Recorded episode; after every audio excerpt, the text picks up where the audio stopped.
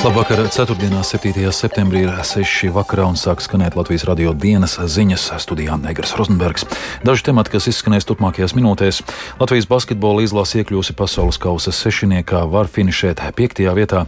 Saima pirmajā lasījumā atbalstījusi grozījumus imigrācijas likumā. Eiropas parlamentā sāk skatīt jautājumu par Ušakovu un Amerika deputāta imunitātes atcelšanu.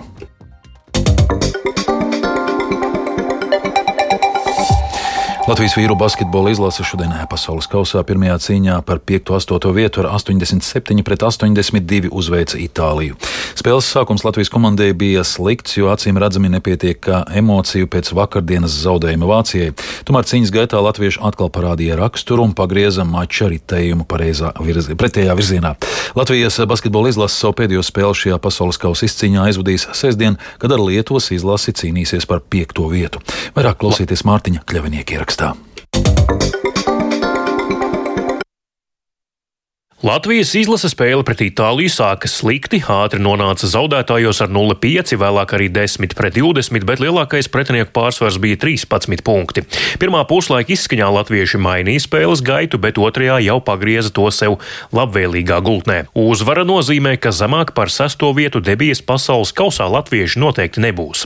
Sliktais sākums skaidrojams ar emociju trūkumu pēc vakardienas varanās cīņas pret Vāciju, kurā gan nācās zaudēt pašās pēdējās sekundēs spēlēs. Šodien atkal izcili nostrādāja Latvijas komandas galvenais ierocis. Nav izteikta līdera, iniciatīvu uzbrukumā var uzņemties jebkurš. To šodien darīja Andrejs Gražulis, kurš guva 28 punktus, kā arī Aigars Šķēle, kuram 12. Gražulis pēc mača sacīja, ka vienkārši izmantoja sev un komandai dotās iespējas. Vienkārši šodien bija tāda diena, ka jūtu, ka var iemest, tā kā bija jāmet. Es teiktu, kā es iepriekš teicu, mēs eh, ņēmām to, ko mums deva vitāra aizsardzība par rītdienu.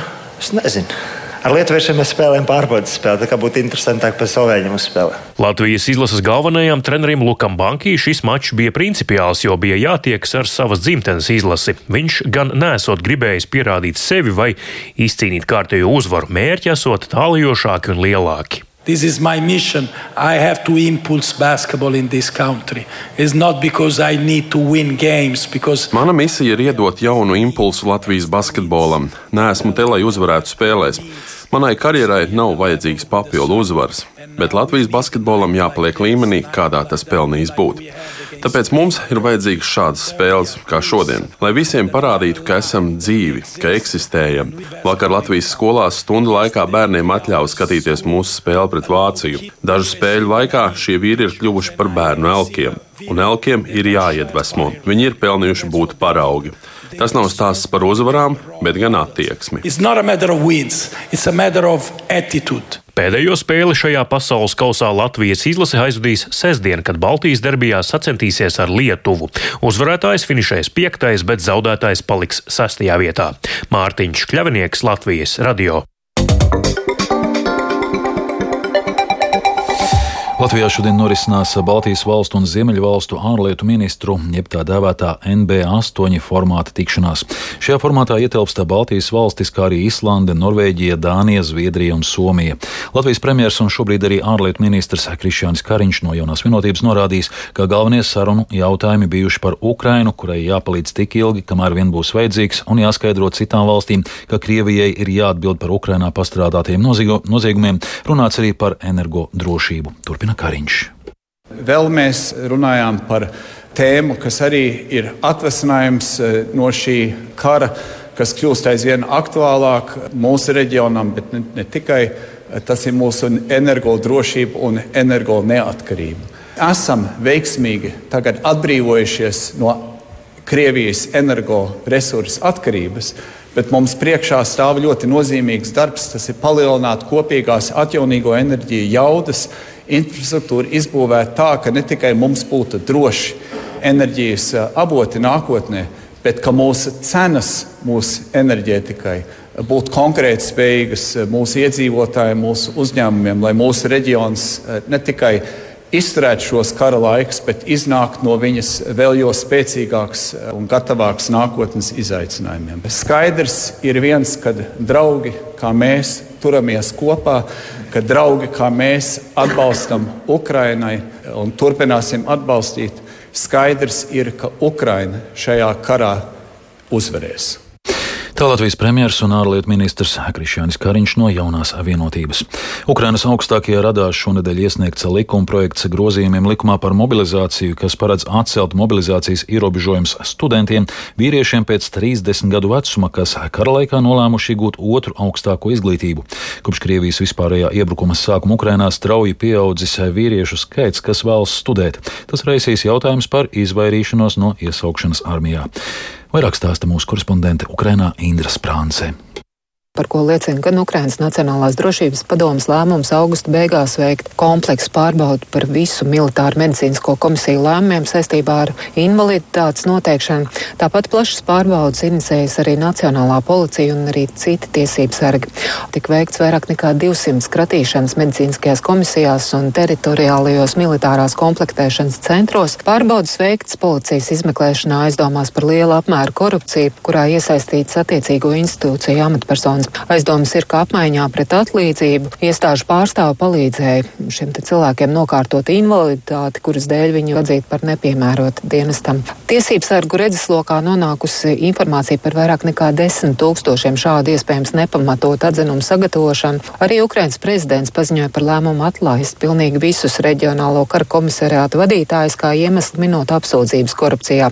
Uz to brīdi bija zināms par 112 kriminālu procesiem, kuros cilvēki maksāja strādājuši, lai izvairītos no iesaukšanas armijā un lai saņemtu izziņas, kas viņus pasludina par nederīgiem dienestam. Veselības stāvokļa dēļ nācies maksāt no 2000 līdz 10 tūkstošiem dolāru un uh, saistībā ar šiem pārkāpumiem aizturēt ļoti daudz cilvēku. Tiesības sargi ir atklājuši arī dažādus citus veidus, kādā daļa Ukraiņu mēģinājuši izvairīties no iesaukšanas armijā. Ternopiļā kāds kara komisariāta pārstāvis iesaucamajiem piedāvājis izkļūt no mobilizējumu sarakstu caur iestāšanos vietējā mācību iestādē. Ivano Frankivskā divas personas uz uh, kvadricikliem vadājuši cilvēks no Ukrainas pa Karpatu meža takām. Arī aizkarpat apgabalā vietējie par naudu tirgojuši savus zināšanas, kā nelikumīgi šķērsot robežu. Savukārt Rīvnas apgabalā entuziasti izdomājuši, ka armijā iesaucamos var noformēt kā vietējā agroholdinga pārstāvis, kas uz ārzemēm tiek sūtīti risināt ar graudu izvešanu saistītos jautājumus. Tikmēr Ukrainas robežsardze kopš vispārējā iebrukuma sākuma konstatējis ap 20 tūkstošiem mm -hmm. nelikumīgu mēģinājumu pamest Ukrainu. Tā Latvijas radio korespondente Ukrainā Indra Sprānce. Eiropas parlamenta juridiskā komiteja šodien sākus izskatīt jautājumu par deputāta imunitātes atcelšanu bijušajam Rīgas mēram Nilam Ušakovam no partijas saskaņa un viņa toreizējam vietniekam Andrim Amerikam no partijas gods kalpot Rīgai. Ģenerāla prokuratūra vēlas celt apsūdzības pret abiem politiķiem par kukuļņemšanu. Ušakovs vēršanos pret viņu dēvē par politiski motivētu mēģinājumu izreikināties. Turpina mūsu Briseles korespondents Arķoms Konohovs. Korupcijas novēršanas un apkarošanas biroja uzsāktā lieta pret Nilu Ušakova, Andri Ameriku un citām personām ir saistīta ar 2018. gadā pieņemto lēmumu par atlaidēm braucieniem mikroautobusos. Ģenerāla prokuratūras pieprasījums atcelt tiesisko imunitāti Eiropas parlamenta juridiskajā komitejā visticamāk tiks skatīts vairākus mēnešus. Tādēļ nav skaidrs, vai deputāti paspēs pieņemt galīgo lēmumu pirms aprīlī paredzētās pēdējās šīs sasaukuma plenārsēdes. Korupcijas novēršanas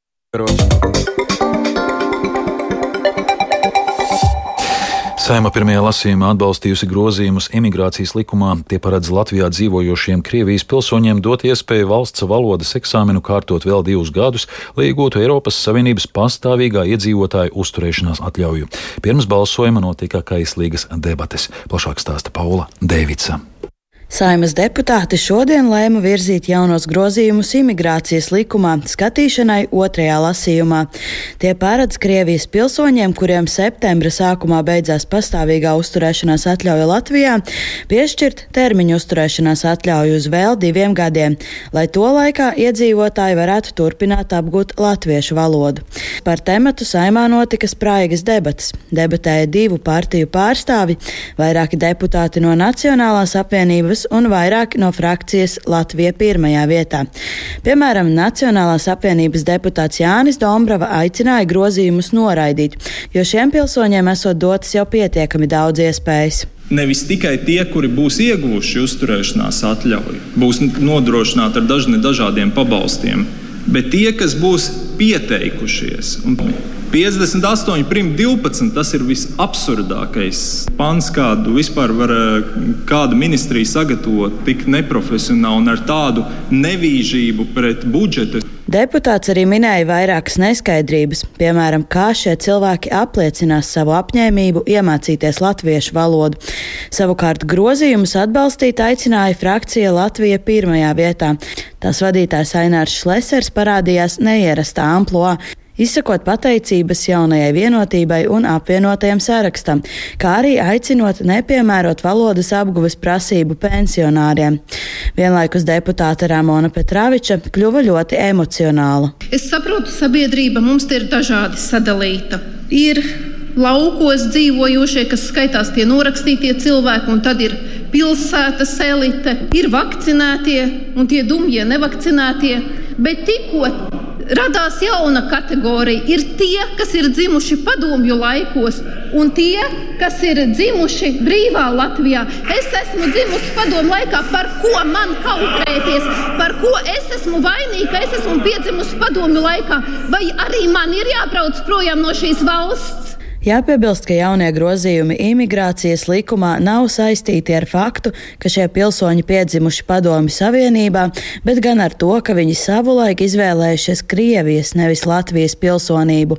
Grozījumus otrajā galējā lasījumā plāno apstiprināt 14. septembrī. Paula Devica, Latvijas radio.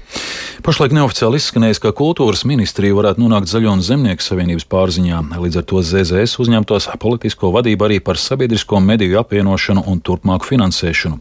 Tas atgādina par Zaļo un Zemnieku savienībai pietuvinātā Aivara Lemberga izteikumiem pirms vairāk nekā desmit gadiem fiksētajās rīdzenes sarunās. Tajās bija noprotama vēlme par tiešu sabiedrisko mediju satura ietekmēšanu. Viens no Zaļo un Zemnieku savienības līderiem, Augusts Brigmanis, uzsver, ka atbildības jomu sadalījums vēl nav skaidrs. Ja mēs tādās kategorijās domājam, tad faktiski ļoti grūti atrast ministriju, ko mēs varētu ieņemt. Viss tiek grozīts un virzīts ap Lembergu. Man liekas, ka tas ir naivi. Es domāju, ka šajā brīdī ir jākoncentrējas mums uz darbiem, jākoncentrējas uz tām problēmām, kas ir katrā sfērā, neatkarīgi vai no kultūras vai kādas citas. Iespējamību, ka ZZS pārņemtu kultūras ministrijas vadību ar bažām vērtē Latvijas žurnālistu asociācijas valdes priekšsēdētāja Latvijas televīzijas raidījuma, kas notiek Latvijā redaktore Zane Mači. Viņa uzskata, ka par mediju politiku atbildīgā ministrija būtu jāpieskata tām tieslietu un drošības ministrijām, par kurām Zaļo un Zemnieku savienība atbildību neuzņemas lasot publiski ziņas par to, ka topošā koalīcija ir vienojusies, lai minimizētu iespējamo sankcijām pakļautās eh, personas, jebkādu iejaukšanos tad ir vienošanās par konkrētām ministrijām, kuras ZZSam neuztic. Ir runa par tieslietu, aizsardzības un iekšlietu ministrijām.